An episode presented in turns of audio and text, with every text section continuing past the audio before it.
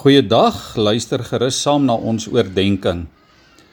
Hier in Matteus 2, die eerste 2 verse, lees ons Jesus is in Bethlehem in Judea gebore tydens die regering van koning Herodes. Na Jesus se geboorte het daar sterrekykers uit die ooste in Jerusalem aangekom. Hulle het gevra: "Waar is hy wat as koning van die Jode gebore is, want ons het sy ster gesien opkom en ons het gekom om aan hom hulde te bewys. Liewe vriende, rondom die tyd van Jesus se geboorte verskyn daar 'n besondere ster in die ooste.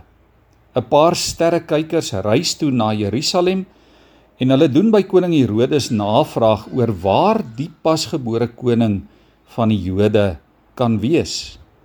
Herodes was natuurlik baie ontsteld en hy doen dadelik navraag by die leierpriesters en by die skrifkenners oor die geboorte van die Messias. Die uitgeslaapte Herodes stuur toe die sterrekykers dadelik Bethlehem toe met die opdrag om hom te laat weet sodra hulle die koning opgespoor het. En ons lees dat die ster voor hulle uitbeweeg het, dat hy gaan stil staan het bo kan die plek waar die kindjie was. En toe die sterrekykers by die plek ingaan, val hulle letterlik voor Jesus neer en hulle aanbid hom. Hulle gee vir hom die koningsgeskenke wat hulle vir hom gebring het. Dis amper asof ons die prentjie in ons gedagtes vir onsself kan vorm. Dis eintlik 'n 'n eeue oue prentjie wat gelowiges en mense reg deur die wêreld baie goed ken, die prentjie van Jesus en die sterrekykers. En omdat 'n engel hulle in 'n droom oor Herodes gewaarsku het, het hulle met 'n ander pad teruggegaan huis toe. Ja, die sterrekykers erken Jesus sonder om te huiwer as koning. Hulle bewys eerbied deur vir hom te kniel. Hulle aanbid hom, hulle verheerlik en vereer hom deur die geskenke wat hulle gebring het.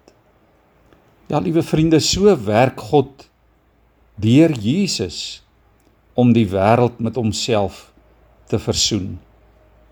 Ja, om letterlik vreemde mense voor die koning te laat kniel en hom te vereer en te verheerlik as redder en verlosser.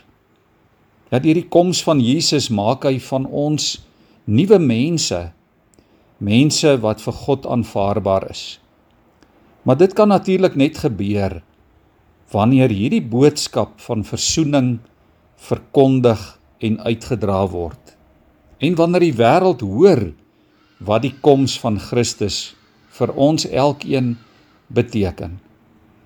Ja, God vertrou sy kinders vir jou en met my met hierdie boodskap. As ons nie gewillig is om dit uit te dra nie, om dit te verkondig en te vertel en uit te leef nie, dan gaan die wêreld nooit hoor van hierdie versoening wat ons Vader vir die mensdom bewerk het nie.